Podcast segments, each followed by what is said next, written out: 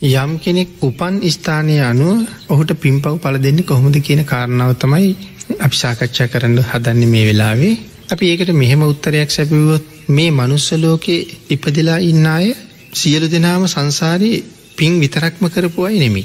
අපි විසින් සංසාරි කරගත්ත පවුත් අපි ගාව හෙම්මම තියෙනවා. නමුත් කුසල කර්මයක් බලවත් වෙච්ච හින්දා අපිට මනුස්ස ජීවිතයක් හම්බ වුණා. ඒ වනාට අපාය ගිහිල්ල තිරිසංලෝකට වැටිලා ප්‍රේතලෝකෙ අසුරලෝකෙ දුක්පින්නින්න ඕනෑ පව් මේ මනුස්සෙක් වෙලා ඉන්න මංගාව නැත්තෙ නෑ. අපි හැමෝම ගාව පෙරකරගත්ත ඒ මහ පව් ඉතුරු වෙලා තියෙනවා. නමුත් වෙනත් කුසල කර්මයක් නිසා අපිට මනුස්ස ජීවිතයක් කම්භවෙච්ච හින්දා. තිරිසනෙක් විඳින දුක මනුස්සයකුට විඳින්න වෙන්නේ නෑ.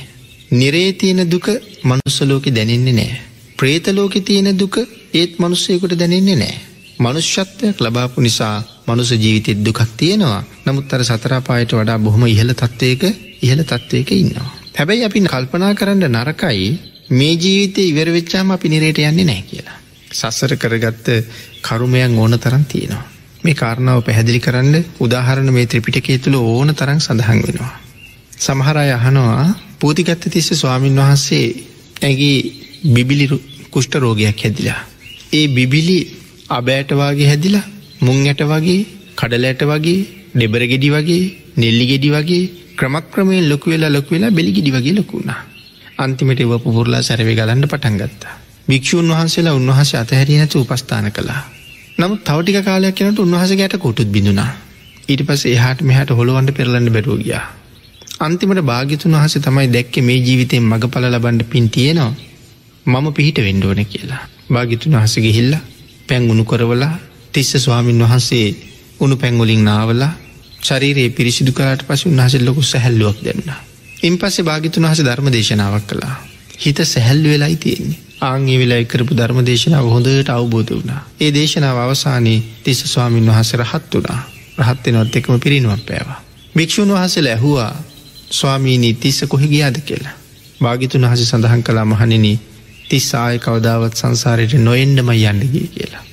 එදා භික්‍ෂූන් වහන්සේලා ප්‍රශ්නයක් යහෝ ස්වාමීනී මේ ජීවිතෙන්ම සසරින් අතමිදෙන්ට පින් තිබිල තිස්ස හාමුදුරුවෝ මේ තරං දුකකට භාජනය වුණේ ඇයි මේ තරං රෝගයකට භාජනය වුණේ ඇයි කියලා. ඒකට භාගිතුන් වහස උත්තරයක් දුන්නා සංසාරී බොහොම පව් කලා.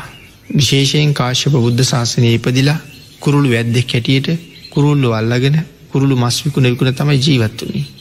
කුරුල්ලු මරන් නැතුව කෙනෙක් මස් ඉල්ලහම එතරම මරල තමයි දෙන්නේ. එතට ඉතුරු වෙච්ච කුරුල්ලු හෙට ගණ්ඩෝන හිද මරන්න නැතුව කකුල් දෙක කඩල තටු කඩල තියාගත්තා. මේ මේ පාපය හින්ද තමයි උන්වහස මේ රෝගයට ගොදුරු වෙලා අන්තිමට ඇටකෝටුත් බිඳිලගී. ඒ අකුසලේ. එතකට රහත්තෙන්ටත් පින් තිබ්බා. ඒ ජීවිතයම එක දවසක් තමන්ගේ ගෙදරට රහතන් වහසනම පින්ඩ පාති වැඩිය.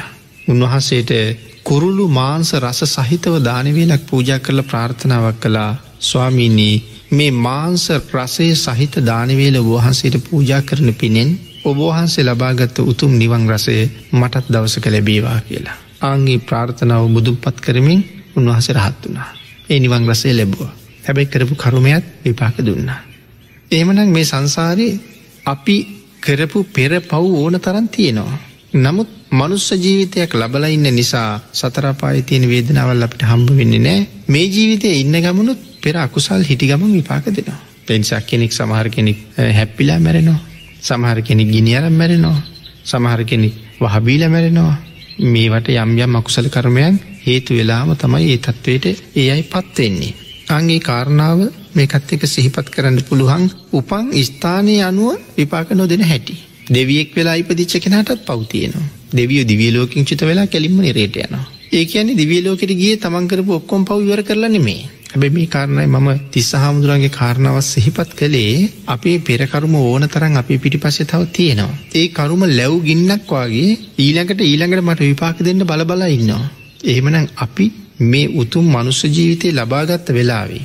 ඒකෙන් ගණ්ඩ තියෙන හොඳම ප්‍රයෝජනය තමයි අර කරුමෝලට ලංවෙන්ඩ දෙන්නතු මේ ජීවිතය පුළුවන් තරම් කුසල කරම රැස් කරන එක. කුසල් රැස් කරලා රැස් කරලා ඊළඟටත් සුගතියක් හොයාගන්න එක.